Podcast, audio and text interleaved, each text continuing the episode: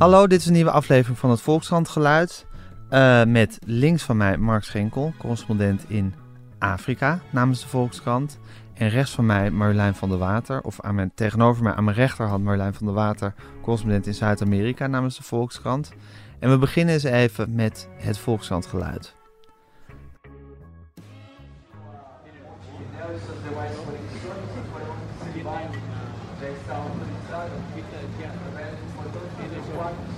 Uh, is dit ja, bijna dagelijkse kost voor jullie, Marjolein? Nou, dagelijks uh, niet, maar wel heel vaak. Ik breng veel tijd door op vliegvelden uh, en vluchten zijn ook vaak vertraagd. Ja, en word je dan, als je dit zoiets hoort, wordt het je dan meteen zwaar te moede? Of denk je, ach, dat hoort erbij, zo is het leven. dan zit ik maar weer 3,5 uur op een vliegveld. nee, ik, ik word daar iedere keer toch nog wel moedeloos van. Je houdt er niet van. toe. Ik hou er niet van. Nee. Ik hou eigenlijk sowieso niet van vliegen. Oké, ja, dan heb je een heel apart beroep uh, gekozen. Want het, het, het feit wil dat jullie allebei dus een enorm continent verslaan. Niet zomaar een groot land, maar een heel continent verslaan. Mark, dus als je niet van vliegen houdt, is dat wel enigszins problematisch. Dat denk ik. Ik uh, kan me denk ik voor een deel verplaatsen in wat uh, Marjolein zegt. Ik ben ook niet per se een fan van het vliegen als zodanig ik doe het wel heel veel. En daar komen ook vertragingen bij kijken. Ik denk in Afrika maakt het vliegen wel uh, vooruitgang door. Verbindingen worden directer. Een half eeuw geleden, schijnbaar, dit is voor mijn tijd, maar moest je om van Oost naar West-Afrika te komen, moest je via Parijs of Londen vliegen. Dat gaat nu makkelijker. Wat natuurlijk niet betekent dat er nog steeds komt kijken met een boel vertragingen, onduidelijkheden. En mijn grootste frustratie of ergernis is vaak het, het, verkeer dat ik tegenkom. Het autoverkeer van en naar vliegvelden. Waar ik vaak meer tijd doorbreng in de file dan in het vliegtuig. Er zijn er veel files in Afrika. Heel, veel verkeerschaos. Ja. ja. En hoe is het vliegen in Afrika? Is het, uh, is het veilig en steady en modern? Of is het uh, houtje touwtje, vlakbandje, rammelende kisten? Uh, het moderniseert. Het moderniseert. er, er, een aantal grote uh, Afrikaanse vliegmaatschappijen uh, schaffen nieuwe vliegtuigen aan, nieuwe vloten. Uh, wat ik al zei, er zijn meer directe verbindingen. luchthavens worden gemoderniseerd. Nairobi, Dar es Salaam in Tanzania, Kigali in Rwanda, Entebbe in Oeganda, waar ik woon. Allemaal bouwen ze een nieuwe luchthaven. Ook allemaal, of de meeste met geld van China. Dus daar zit, daar zit vooruitgang in maar goed, Afrika is groot en divers. En er, natuurlijk, er zijn landen waar het vliegen nog nou, wat archaïscher naartoe gaat. Ja. Wat minder veilig is. Congo bijvoorbeeld, of Zimbabwe, oude staatsmaatschappijen in Zimbabwe. Um, ja goed, waarvan de, de luchtvaardigheid van de toestellen niet per se gegarandeerd is. Ja, dat zeg je nu heel lachend, maar ik kan me voorstellen dat je ook af en toe het gevoel hebt dat je je leven aan het riskeren bent voor je werk. Nou, dat is misschien uh, heel, heel sterk uitgedrukt. ja, het, het, het, schiet, uh, sure, het, het, schiet door je achterhoofd. Ben jij ook wel eens, Marjolein? Um, vliegtuigen zijn over het algemeen uh, gewoon goed daar. Behalve in Cuba. Uh, daar heb ik, ik kan me voorstellen dat het vergelijkbaar is met Zimbabwe. Um, ja, van die, van die echt schuddende vliegtuigen zonder airco. En dat je bijna denkt dat het raam open staat per ongeluk. Uh, ja, dan heb je meegemaakt? heb ik meegemaakt, ja, een aantal keer. Maar die eerste keer heb ik twaalf uur moeten wachten op een vertraagde vlucht. Dat was toen de pauze op Cuba was. En toen moest dus het hele luchtverkeer worden stilgelegd omdat de paus ook ging vliegen. Dus in die tijd dat ik had gewacht, had ik gewoon met de auto naar de andere kant van het eiland kunnen gaan. Uh, dus nu de laatste keren ben ik gewoon over het land uh, gereisd. Ja, denk Cuba. Je. Hoe maak je eigenlijk de beslissing, vraag ik eerst aan jou Marjolein en zo meteen aan jou Mark. Hoe maak je de beslissing om te gaan reizen? Wat is je standplaats om te beginnen? Ik woon in uh, Sao Paulo in Brazilië. ja, er zijn meerdere redenen om te gaan reizen. Je hebt natuurlijk gewoon de uh, bepaalde momenten die nieuwswaardig zijn, zoals uh, verkiezingen of, of, andere ontwikkelingen, een, ramp of dat soort dingen. Maar er zijn ook ontwikkelingen die uh, meer tijdloos zijn, of verhalen die, die je zelf belangrijk vindt, of trends die op verschillende plekken zichtbaar zijn. En ja, dan maak je daar gewoon een plan voor en ik leg dat dan voor aan de buitenlandschef. En dan uh, ga je daar wat verder over doorpraten. En dan uh, ja, besluit je om inderdaad naar zo'n land toe te gaan. En als er iets acuuts aan de hand is, is dan jouw neiging meteen naar het vliegveld en op het vliegveld springen? Of is het eerst van, even afwachten, het een beetje via internet volgen of via andere kanalen. En dan kijken hoe het zich ontwikkelt en of je er misschien heen moet. Mm, Ja, ligt aan het nieuwsmoment. Toen Fidel Castro doodging, ja, dan neem ik het eerste vliegtuig. Dan wist je, dan moet je meteen naar Cuba. Ja. ja. De, dat was, tot hij doodging was bij mij altijd een grap. Als ik een keer een weekend eh, niet wilde werken of iets ging doen, dan zei ik tegen de chef... Ik ben niet te bereiken, behalve als Fidel Castro doodgaat. Het ultieme Zuid-Amerikaanse nieuwsfeit. ja, Ja. ehm, dus ja, dan is er gewoon geen twijfel mogelijk. Andere, ja, minder heftige gebeurtenissen. Is het altijd maar weer even. wegen, wegen of het moment het, eh, wat het moment van je vraagt. Geldt het voor jou ook zo, Mark? Ja, in, in grote lijnen eh, herken ik me in wat, wat Marijn zegt. Een, voorbeeld wat mij direct er binnen schiet als het gaat om het, eh, het acute, het urgente, het brekende nieuws. Waarvoor je op steen op sprong naar eh, de luchthaven gaat. Dat was in november 2017 de staatsgreep in Zimbabwe. Die het einde zou inleiden van Robert Mugabe. Na meer dan 30 jaar aan de macht in, in Zimbabwe. V- van Entebbe in Oeganda naar Nairobi in, eh, in Kenia om over te stappen om naar Harare in Zimbabwe te vliegen. Ja, dat is een, een moment van eh, geen dralen. Natuurlijk kort contact met, met de, de buitenlandredactie gehad, maar dat spreekt zo voor zich. Ja, Eh, dat is een ABC'tje Ja. voor de Afrika-correspondent. Ja, en dat, dat was overigens nog een interessante vlucht, want die vlucht naar Zimbabwe zat vol met Zimbabwanen die, nou, die al, eigenlijk al de val van Mugabe vierden in het vliegtuig. Eh, toen we aankwamen, de landing inzetten, en dan roept de piloot om, ladies and gentlemen, die luchthaven heet Robert Mugabe. Dus toen zei de piloot van het vliegtuig vol Zimbabwanen, we gaan nu landen op Robert Mugabe vliegveld, waarop het hele vliegtuig in lachen en joelen en heel veel drank uitbarstte. Een ultiem moment van triomf. Dat was een heel Ja. ervaring. Ja. Ja.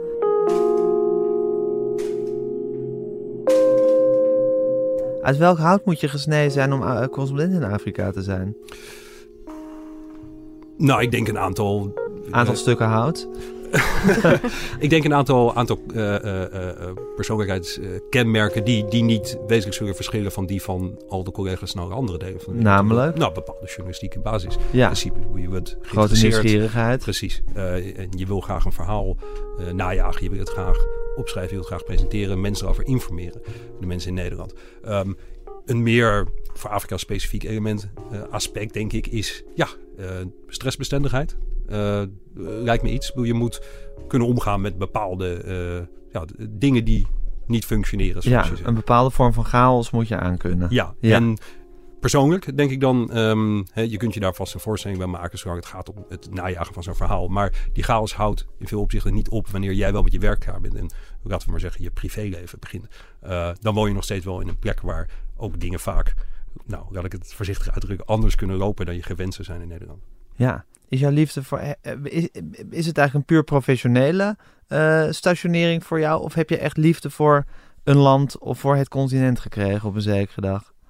Ja, dat zal een mengeling zijn. Ehm, ik woon nu zeven jaar in eh, Oeganda, in Kampala, de hoofdstad. Eh, Dan heb je de kritische. Er schijnt een kritische vijf jaar grens voor correspondenten te zijn. Hè? Als je ergens langer dan vijf jaar blijft, dan raak je echt geïntegreerd in het land. Ja, eh, maar goed, ik, een land, maar ja, ik zit hier omdat we het hebben over hoe is het om correspondent te zijn in Ja. zo'n grote regio. Dus ja, ik denk na vijf jaar in Afrika, dan nog steeds is er heel, heel veel eh, te zien waar ik nog helemaal niet geweest ben. Ja. Dus Maar je ging er zeven jaar geleden heen. Ja. En waar, wa- wa- waarom? omdat ik eh, correspondent wilde worden. Ik eh, werkte bij NRC Handelsblad toen en op de buitenlandredactie. bureauredacteur Afrika. Ehm, zo ben ik gaan reizen en zo ontstond de belangstelling specifiek voor Afrika. Ik wist al langer dat ik correspondent wilde worden. En toen in 2011... Het is gewoon een soort eh, de kuifje in jou of zo. Nou, kuifje, zeker als het om Afrika gaat, wil ik het woord kuifje, daar, daar hou ik niet van. Oh, sorry. Ehm, nee, nou ja, dat is een stereotyp beeld, denk ik, van Afrika. Ehm, nee, ik bedoel eigenlijk niet helemaal niet kuifje in verband met Afrika, maar meer kuifje als in Hmm. ja, eh, iemand die de wereld intrekt om, eh, om, om nieuws te ja, verslaan. als je het zo Ja. uitdrukt. Ja, Ja. ja. Ehm, toen heb ik mijn baan daar bij NRC opgezegd en ben freelancer geworden om in, vanuit Oeganda verder te gaan. Ja, en was Oeganda jouw specifieke liefde? Ja, ik, eh, dat is een van de landen waar ik toen al was geweest op reportagereis. Eh, het is ook een land in, dit is in Oost-Afrika, Oost-Centraal-Afrika. In die regio, laat ik zeggen, ook onder, onder collega's, het heeft een naam. Het is een, laten we zeggen, relatief makkelijk land om te wennen, om je, je weg te vinden. Eh, wat minder gehaast ehm, of druk dan, dan sommige andere, andere plekken in, in de regio. En er was ook een persoonlijk aspect. Ik had iemand leren kennen in Oeganda bij wie ik mij zou voegen. De goede oude liefde. Ja. ja. Hoe ging dat met jou, Marjolein? Wat, ons, was, was het Brazilië wa- waar je naartoe wilde? Of was het gewoon, mo- moest je een plek in de wereld hebben waar je heen ging? Eh, nou, ik had al een hele grote liefde voor Latijns-Amerika. Ik heb eh, antropologie gestudeerd en mijn afstudeeronderzoek in Mexico gedaan. En toen ben ik daarna teruggegaan naar Mexico. Daar heb ik een paar jaar gewoond en gewerkt. Eh, en ik had ook een liefde daar. En nog een liefde. Had Maar- ettelijke liefdes. maar toen eh, op een gegeven moment weer terug naar Nederland. Masterjournalistiek gedaan. En hier tijdelijk op de redactie beland. En ik viel eigenlijk met mijn neus in de boter. Want precies toevallig eh, in die periode nam de toenmalige correspondent... Ja, die stopte er van de een op de andere dag mee. Dus ja, toen eh, kon ik deze plek innemen. En. Het voelde als een buitenkans. het voelde als een buitenkant. En toen was inderdaad de vraag, oké, waar ga ik wonen? Nou, dat moet natuurlijk een land met gewicht zijn. Ik kan niet op een strand in Costa Rica gaan wonen. Wat op zich best Ook aantrekkelijk zijn, is, ja. Maar, eh, dus dat zou dan Mexico, Brazilië of Argentinië was Ja. destijds de keus. Eh, nou, Mexico kende ik al. Dus ik wilde wel eens wat anders. En Daar hadden al die liefdes zich afgespeeld in Mexico. ja, ook dat. Ja. Ehm, Brazilië, nou, de, het WK zat er aan te komen, Olympische Spelen. Ja. Dus ja, het was eigenlijk gewoon een logische keuze. En op die manier kon ik ook Portugees leren, want dat kon ik nog niet. Nee, nee. hey, en eh, heb, je af en toe, heb je af en toe niet het gevoel dat het ondoenlijk is om ja, het nieuws van een continent te verslaan? Ja, dat is soms lastig. Ehm, ik had er in het begin, maakte ik me daar meer zorgen om. Omdat ik inderdaad echt het gevoel had dat ik iedere dag van al die landen moest weten wat er speelde. Ehm, maar daar ben ik wel wat eh ja, relaxter in geworden in die zin dat ik veel meer gewoon probeer echt de grote lijnen in de gaten te Ja. houden. En op het moment dat je, Je, dan... moet op een gegeven moment je controledrift laten gaan. Ja, zeker. Want ja, in het begin stuurde ik iedere avond een mail naar de chef buitenland met een lijst wat er dan allemaal die dag was gebeurd in allerlei landen. Ja, daar zit hij natuurlijk ook niet op te wachten. Ehm, maar goed, daar kom je snel genoeg achter. Welke verhalen, ja, een goed achtergrondverhaal waarin je heel veel verschillende nieuwsmomenten kunt in, ja, in één verhaal eigenlijk kunt vertellen. Dat is veel waardevoller dan dat je al die losse feitjes. eh, Ja, precies. Dus je wordt ook een soort eh gehaaid in het vinden van nieuwsverhalen waarin je eigenlijk een heel beeld kan schetsen van een land of van een bepaalde tijdsperiode of van een regio. ja, Dus wat, je... wat verder gaat dan een simpel nieuwsfeitje, maar wat veelzeggend is of wat, wat treffend is voor meer. Ja, waar je een bepaalde ontwikkeling een keer één keer gewoon echt goed neerzet. En Ja. soms is het dan inderdaad eh, goed om niet meteen als iets gebeurt te gaan, maar juist eh, een maand later. Ja, en Ehm, daar krijg je handigheid in om dat te kunnen beoordelen of daar krijg je gevoel voor. Ja, daar krijg je gevoel voor. Ehm, en dat is, heeft ook te maken met een goede communicatie met, met de redactie hier. Eh het is fijn als je daar een beetje mee kunt sparren, want wij zitten er, daar natuurlijk bovenop. En soms is het voor ons lastiger om... Om de Nederlandse blik te zien. Precies, Ja. en daar heb je dan hier de, Ja. de chef buitenland, eh, Alex Burghoorn. Dat is, dat is heel prettig. Daar kun je Ja. dan... eh, Want die zegt, dit, speelt, dit vinden Nederlanders momenteel interessant of dit boeit ons nou toevallig niet zoveel. nou, of hij stelt precies die vraag waar je zelf niet op komt, omdat Maar het voor jou zo, ja, zo obvious Met dan. Europese blik. Ja, Ja, precies. precies.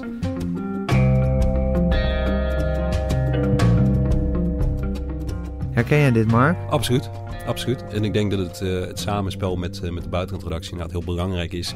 Ehm, om, kijk, aan de ene kant, ja, de, de redactie zal zeggen van nou, eh, wij denken er dit van. Of nou, ik denk misschien vanuit Nederland bezien, ja, misschien eigenlijk helemaal niet zo belangrijk dat Ja. nieuws dat zich bij jou afspeelt. Tegelijkertijd, de reden dat wij er zitten is dat wij natuurlijk omgekeerd ook moeten zeggen van nou, luister, ik zit hier, volgens mij is dit heel belangrijk. Precies. Of ik denk dat het wat minder belangrijk is. De, die, die verwachtingen, die ideeën lopen niet altijd per se synchroon. Dat is waarom je met elkaar overlegt. En dan Ja. kom je samen tot een besluit Ja, om er wel of niet een verhaal over te maken, om er wel of niet naartoe te gaan. ja. En dan moet je soms nederig zijn en erkennen dat dingen misschien daar interessanter lijken dan ze, hier, dan ze voor hier zijn, voor de lezer. En soms moet je gewoon op je strepen staan en zeggen, luister eens even, dit is een verhaal van internationaal belang en ik vind dat dit nu verteld moet worden, ook Ja. in Nederland.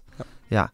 En had je ook dat je in het begin, zal maar zeggen, omkwam in alle duizenden nieuwsfeitjes die er zich op zo'n continent voordoen. En dat je, ja, dat je eigenlijk niet kon voorstellen hoe je dat ooit moest gaan schriften. Ik, ik herken uh, in grote lijnen wat, wat Marijn erover zegt. Ja, um, het, een grote regio, een boel landen, um, verschillende talen die er gesproken worden ja, dat je wel eens denkt, uh, hè, als badend, nou ja, niet letterlijk, maar bij wijze van spreken badend in het zweet wakker wordt van, oh, als er nu daar uh, dit of dat zou gebeuren, oh mijn god, uh, ja. heb ik dat dan onder controle? Nou, um, ik heb dat ook geleerd om daar, om daar hoe daarmee om te gaan. En um, kijk, heel kort door de bocht gezegd, in, in Afrika meer dan 40, 45, wel 50 landen. een groot deel daarvan daar nou, uh, kan ik denk ik zeggen dat het, het, het, echte grote wereldnieuws daar niet zo snel vandaan zou komen. Tegelijkertijd binnen de regio is er een, een selecter aantal landen waar uh, het nieuws wel vaak, uh, vaker vandaan komt. Omdat dat belangrijker landen zijn, grotere landen, grotere economieën, bepaalde geografische ligging. En die hou ik dan ook meer structureel in de gaten. Dat zijn ook de landen waar ik een, een beter netwerk heb op afstand om eens iemand te bellen om te zeggen als er iets speelt van leg het me eens uit. Wat, wat gebeurt er nou eigenlijk? Of weet je nog iemand anders die ik daar, eh, met wie ik verder kan praten? Uh, de landen ook waar je dan vaker op bezoek bent geweest, al dan in andere landen. Ja. ja. Ja, de, de, de, de, de hotspots, om het zo maar even te zeggen, selecteren zich vanzelf uit eigenlijk. Voor, voor een deel. En in Afrika moet je denken aan, nou in Oost-Afrika en Kenia, in Zuid-Afrika, in Zuidelijk Afrika natuurlijk, uh, Nigeria en West-Afrika. Dat zijn zo, even zo 1, 2, 3 landen, die, die, daar kun je niet omheen. Nee, nee. Is dat voor jou ook zo, Marjolein? Wat, wat, zijn, wat, zijn, wat, zijn de, wat zijn de landen waar jij met specifiek oog naar kijkt? Uh, Venezuela, Colombia, Mexico, Brazilië. Ja, die hou je met speciale aandacht mm, altijd in de gaten. Ja, daar is vanuit de redactie altijd ook meer... Meer vraag naar. Uh, ja, meer aandacht ja. voor. Maar dat zijn ook landen waar gewoon veel gebeurt. Ik bedoel, Colombia heeft net een vredesakkoord getekend, of twee jaar geleden inmiddels alweer. Maar is natuurlijk een enorme burgeroorlog gewoed. En hoe gaat zo'n vredesopbouw? Nou, dat gaat niet zo heel erg goed. Dus daar is, daar is gewoon veel te vertellen. Um, Venezuela ligt uh, volledig stuk. Dus ja, dat is ook altijd interessant. Dat is ook altijd interessant. Uh, Mexico ligt naast de Verenigde Staten. Dus dat is ook een land wat, wat bij meer mensen uh, meer op het netvlies ligt. En je hebt natuurlijk die drugskartels, wat enorm veel interesse heeft, ook hier in Nederland. Dus ja, dat zijn wel landen waar, uh, waar ik veel vaker naartoe ga dan andere landen. Ja, en is het leven op het continent, als je dat zo kan zeggen, dat weet ik helemaal niet hoor, maar dan moet je het maar zeggen. Is het leven op het continent erg veranderd in de tijd dat jij daar zit? Um, nee, dat idee heb ik niet. Nee? Maar ik, ja, ik, zit, er, ik zit nu zes jaar in Brazilië.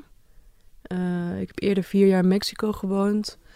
Ja, weet je, het, het moderniseert allemaal wel Zoals in een redelijk snel tempo. Ja, inderdaad. En je ziet natuurlijk ook wat ook overal in de wereld zichtbaar is, dat dat alles ja, verhipstert, zeg maar. Je hebt of je nou in Mexico bent of in Sao Paulo, in alle grote steden, dat is misschien in Afrika ook zo, heb je ook gewoon de hippe jongeren met hun MacBook uh, in de zoveelste koffietent. Ja, zoals hier in Amsterdam ook. Zoals hier in Amsterdam ook. zitten te doen of te werken of echt werken. Ja. En ook dat is daar ook aan de hand. Dat is, en dat is wel iets wat verandert. Uh, wat, wat veranderd is. En wat ik nu in Brazilië heel erg zie, en maar dat is echt nu, is een, een, ja, een enorme golf aan conservatisme. Uh, en ja, je, je voelt heel erg dat er een, een opgekropte woede in die ook samenleving... Wat dat betreft, volgens de Europese en Amerikaanse trend. Ja, dat, uh, die vergelijking kun je zeker wel trekken. Ja, ja. Maar je voelt die opgekropte woede in de samenleving. Die ja, er nu die, uitkomt. komt, die komt er nu uit. En dat is wel. Kijk, toen ik daar kwam wonen in 2012, waren ze echt op het hoogtepunt van succes. En Ja. eh, het WK kwam en de Olympische Spelen. Ja, die Braziliaanse enorm- economie, dat was iets Ja. gigantisch toen, hè? Het was de zevende economie ter wereld. En eh, ja, er was een enorme trots en een hoop dat het toch echt een land van gewicht zou zijn. Ook in de toekomst. En Lula zat op het wereldtoneel met, met andere landen namen voorbeeld aan zijn sociale programma's. En hij werd overal in de watten gelegd. En ja, nu is het gewoon volledig ingestort. En mensen zijn echt ja, depressief. En in die zin herken ik Dat is Brazilië... toch wel bizar om zo te aanschouwen voor jou, hè? Toch? Hoe, dat, Ja. hoe die neergang dan zo heeft ingezet en door, heeft doorgezet ook. Ja, dat is wel een, een eh, ja, heel. Het is natuurlijk ook heel verdrietig. Ik bedoel, ik woon daar en ik heb mijn vrienden daar. En ja, je wordt toch. Ja, ik heb gewoon wel een deel van mijn hart daar. Tuurlijk, in dat land. Dus ik vind het ook heel verdrietig wat er gebeurt. Maar het is ook ja, journalistiek heel interessant en fascinerend. En Brazilianen herkennen zichzelf ook eigenlijk niet meer terug. Ze snappen zelf ook niet goed wat er gebeurd is. Nee, ze, ze, vinden zich, ze, ze vinden het fijn om zichzelf te zien als heel sociaal en vriendelijk en vrolijk volk. Wat ook het clichébeeld is over Brazilianen. Maar clichébeelden zijn altijd wel ergens op gebaseerd. En ja, ik, ik vind, ik, ik had dat beeld ook heel erg van optimistische mensen die toch altijd nog wel een sprankje hoop ergens in konden vinden. En ja, dat, dat is nu wel, eh, het is heel zwart geworden. Ja wat, wat, ja, wat treurig om mee te maken ook, hè, eigenlijk. Ja, Is het voor jou een reden om er te blijven of om er weg, om misschien ook te af en toe te denken van misschien ook goed om weer eens ergens anders mijn licht op te gaan steken? Ehm, ja, dat is een goede vraag. Ik, eh, ja, Mexico blijft altijd wel trekken. Eh, en daar is nu ook een nieuwe president gekozen. eh, wat, die ook een totaal andere koers ingaat dan zijn voorgangers. Dus dat zou interessant zijn om dat van wat dichterbij te gaan bekijken. Maar ik, ik, dat, dat is een optie die door mijn hoofd is geschoten. Maar dat is niet per se omdat eh, Brazilië nu rechts afslaat. Of, want dat Nee. is natuurlijk ook juist... Maar dat je uit Zuid-Amerika zou vertrekken is geen optie voor jou. Eh, nou, Mexico ligt niet in Zuid-Amerika. Nou, dat is Midden-Amerika, je hebt gelijk. Maar uit Latijns-Amerika. Mm, nou, nu nog niet. Nee. Nee.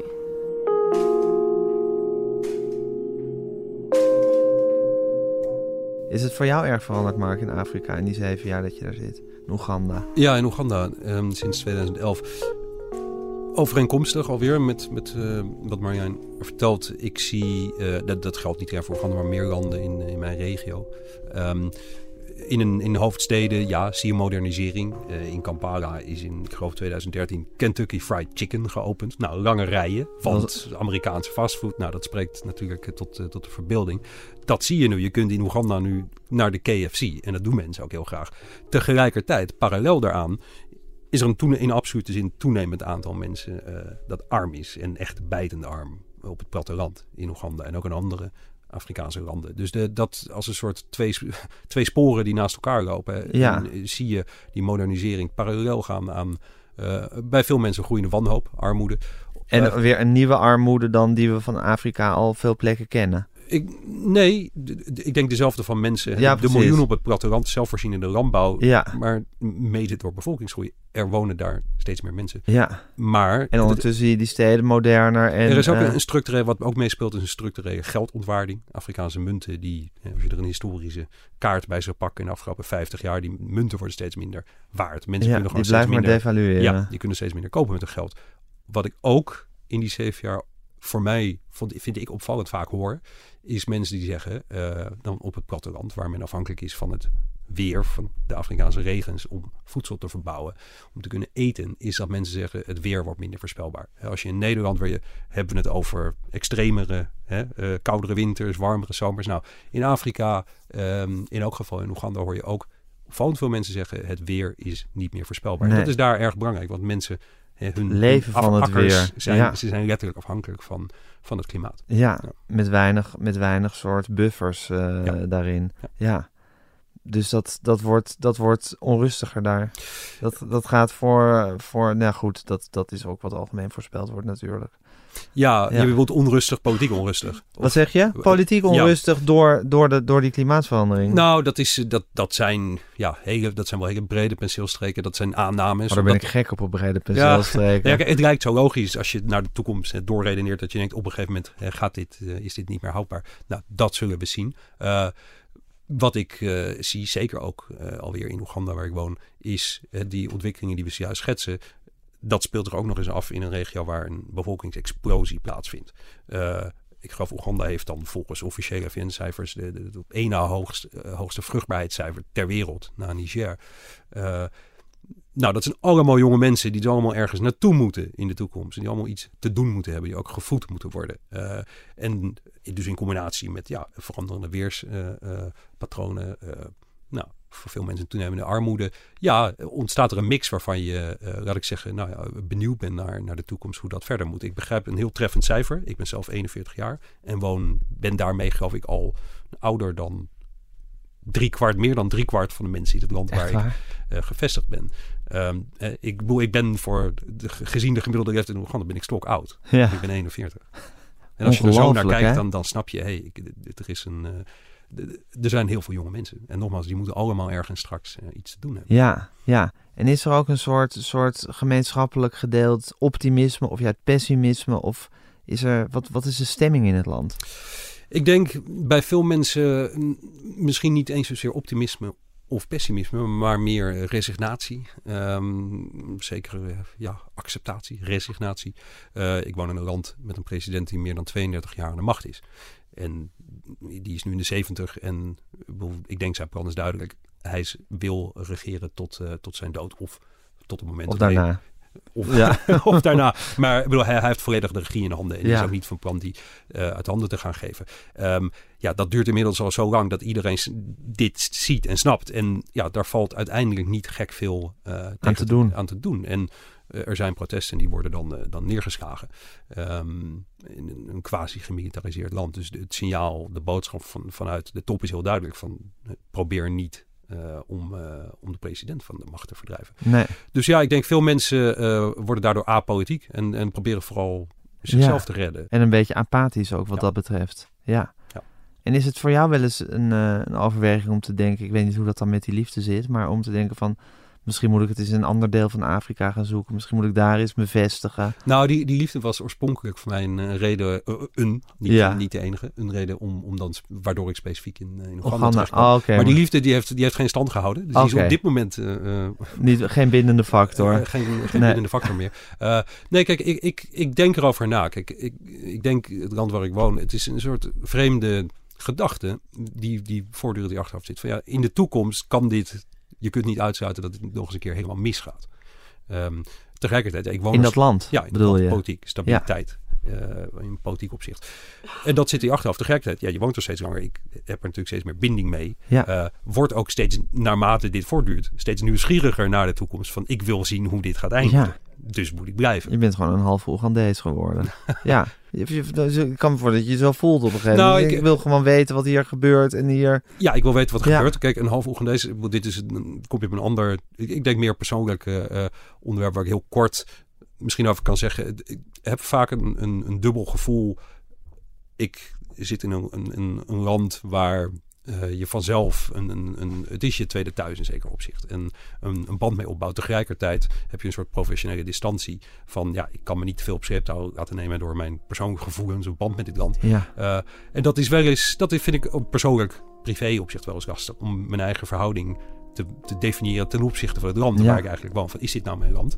Um, of ook niet. Waarbij ja. je dus in mijn achterhoofd rekening moet houden van als het ooit eens misgaat, ja, dan uh, dat weerhoudt me er misschien van om emotioneel me al te zeer te verbinden aan het land. Ja, omdat je altijd die, die, die dreiging voelt en het ja. moment dat je misschien gewoon voor, voor je eigen goed je biezen moet pakken. Ja. ja, of dat je als journalist niet meer welkom bent. Dat kan natuurlijk of ook. niet meer welkom bent. Ja, dat je gewoon uh, daaruit gezet wordt. Ja.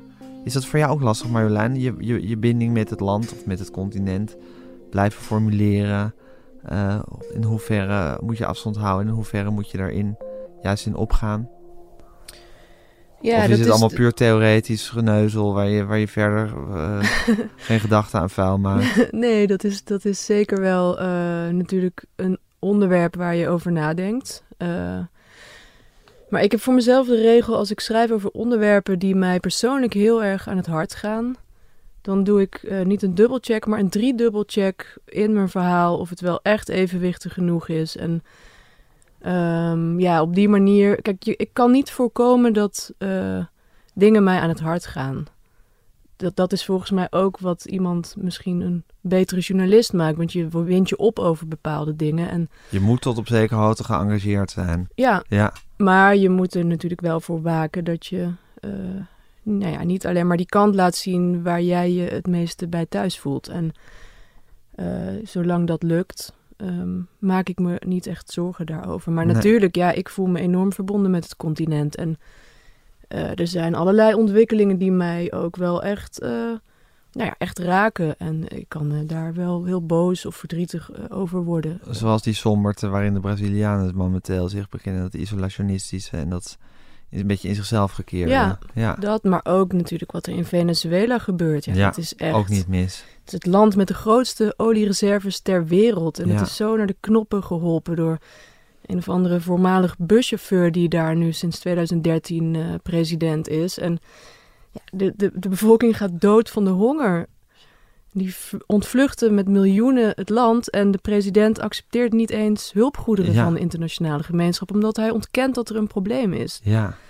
Ja, als ik daar dan ben en ik zie Wat dat betreft hebben jullie toch wel een hoop malle staatshoofden om je heen, hè? Of is dat, is dat eh, heel raar gezegd van mij?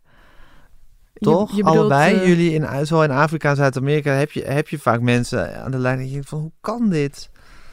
Ja, in wel Europa een, ook, in eh, Amerika ook. Ik bedoel, het is het misschien overal ter wereld zo, maar... Je hebt wel een hoop eh alfa-mannen, Ja, om het zo maar. Toch, Mark? Ja, ja ik, ik bedoel, in Afrika hebben we... eh, het zijn characters. Eh, ik bedoel, ja, Soms, over, ja. overwegend mannen. En ehm, ja, dat is natuurlijk in, in veel, veel samenlevingen, in veel Afrikaanse landen nog steeds een, een eh, ja, eh, de patriarchale eh, samenleving. En daarvan is dan het presidentschap in zekere zin, eh, of tot op zekere hoogte, een afspiegeling. Ja. Ja. Ja, wat een, wat een werelden waarin jullie leven. Als jullie dan hier zijn, hè, is, het, is, is, is, is er nog een cultuurshock voor jullie? Als jullie dan in, in Amsterdam zijn, mensen dat je denkt oh ja, zo was het. Of is dat ook volstrekt geïnternaliseerd in jullie bestaan? Dat je Nou- weet dat het leven zo anders is hier. Of is het misschien helemaal niet zo anders? Het, het is wel heel anders en het is niet echt een cultuurshock, maar er zijn wel allerlei dingen waar je gewoon niet meer gewend aan bent. Zoals dat als de podcast om vijf uur begint, dat je dan ook echt stipt om vijf uur moet zijn. Belachelijk. Ja, of als je mensen begroet. In Brazilië is het eigenlijk, geef je elkaar meteen een kus. Maakt niet uit of je elkaar kent of Ja. niet. En als je elkaar langer dan een minuut kent, kun je elkaar eigenlijk al wel eh, een knuffel geven. Ja, En dus wij geven elkaar zo meteen een knuffel. ja, dat, dat kan. Maar ik doe dat hier dan per ongeluk soms zomaar bij mensen die, ja, die daar dan een beetje van schrikken. En Ja. dat soort, ja, eh, Kleine Onhandige sociale situaties. dingetjes. ja daar, maar dat is ook gewoon heel leuk om te merken, die verschillen. En eh, Ja. Ja. Nou, de knuffel doet hier ook wel, wordt hier ook populairder en populairder hoor. ja, ook dat is bij een mensen goede die elkaar niet per se heel goed kennen. Uit onderzoek blijkt dat je daar dus ook gelukkiger van wordt. Oké, nou, we zullen het zien. En Mark, wat, eh, hoe knuffel jij veel met mensen? Hoe zit dat in Afrika? Nou, ik ben eh, van huis uit niet zo'n knuffelaar. Eh, We hebben meer van een ferme Nou, handdruk. kijk, in, in, in ja, in de, de Oeganda waar ik woon, kijk, het menselijke contact, zowel, eh, ik bedoel, ook, ook letterlijk het fysieke contact, maar het menselijke samen zijn, eh, het samenleven, letterlijk, ja, dat is daar een, een vanzelfsprekendheid. En dat is heel warm en heel mooi ook. En dat is de absolute kracht, denk ik, in Afrika. Het, het, het, het, het samenleven, hè? ik bedoel, het woord samenleving, maar dan hè, letterlijk samenleving. Een met vanzelfsprekendheid. Ja, en eh, ik denk dat dat een, eh, een grote kracht is van Afrika. Eh, de, de vanzelfsprekendheid dat je... Je bent nooit alleen, wordt wel eens gezegd in Afrika. Het is het tegenovergestelde van nou, individualisme. En ik gebruik dat als neutraal woord in Nederland. Ja, Eh, je- het is geen waardeoordeel. Precies. Nou, eh, in Afrika, eh, ja, daar eh, leven we meer in, eh, in de groep. En de groep heeft, ehm, en dat zeggen dan Oegandezen, eh voor- en nadelen. En een, een, een nadeel is dat, eh, dat een familie bepaalde verwachtingen heeft als jij Ja. bijvoorbeeld een baan hebt. Ehm, iets heel moois is als jij, eh je, je zult niet snel eh, alleen zijn. Je zult niet snel verstoten worden. Er is altijd plek voor je. Er is altijd een bord voor je. En dat maak ik ook mee als ik, als ik reis. Ik, er wordt er letterlijk mensen met weinig tot niets. Die eh schotelen me dan wat voor. Want ja, je bent een gast. En dan, eh, dat is een groot teken van gastvrijheid. En eh, daar staat dan mijn grote dankbaarheid tegenover. Ja, dat waardeer je zeer. Absoluut. Ja. En hoe vind je het dan om hier te zijn? Ja, ik, ehm, ik mooi. En ik, eh, ik, eh, ik vind het prettig om in Nederland te zijn. Eh, wetend dat het tijdelijk is waarna ik weer... eh, Terug naar huis kan? Ja, nou naar huis. Ik, ik beschouw beide plekken als thuis. En ik denk dat ik na verloop van tijd ongeveer een balans heb gevonden waarin ik eh, Nederland en Kampala ja, gelijkwaardig beschouw. nou, evenveel waardeer of hm. apprecieer. En ik behoor tot de mensen die Nederland in bepaalde opzichten meer zijn gaan waarderen. Um, de verworvenheden. Ik bedoel, Nederland is een, is een ongelooflijk goed georganiseerd land. dat ja, realiseer je nog een krankzinnig goed georganiseerd um, land. Nou, ik, ik, het, is, het is iets om, om je, je, je, je je zegeningen te tellen, denk ik. Ja. Er zijn niet veel plekken in de wereld zo goed georganiseerd. Um, en uh, ik bedoel, ik, ik, wil niet de, een soort blasé wereldreiziger worden die dan hè, zegt van... God, maar in Nederland is iedereen zo streng en ernstig en serieus. Uh, ik denk hè, juist doordat we in Nederland zo, um, zo ernstig zijn... dat de dingen misschien zo goed georganiseerd zijn. Dus ja. het is af en toe niet slecht, denk ik, om je dat ook uh, te realiseren. Nee. Nou goed, heerlijk dat jullie hier even zijn. Heerlijk dat jullie hier naar de archiefkast wilden komen. Wanneer gaan jullie weer terug? Ik vlieg dinsdag. Jij vliegt dinsdag. En ik ga uh, maandag. Oké. Ik wens jullie een hele behouden vlucht terug naar, ja, huis of semi-huis, hoe je het wil noemen. Dankjewel. Dankjewel. Dankjewel.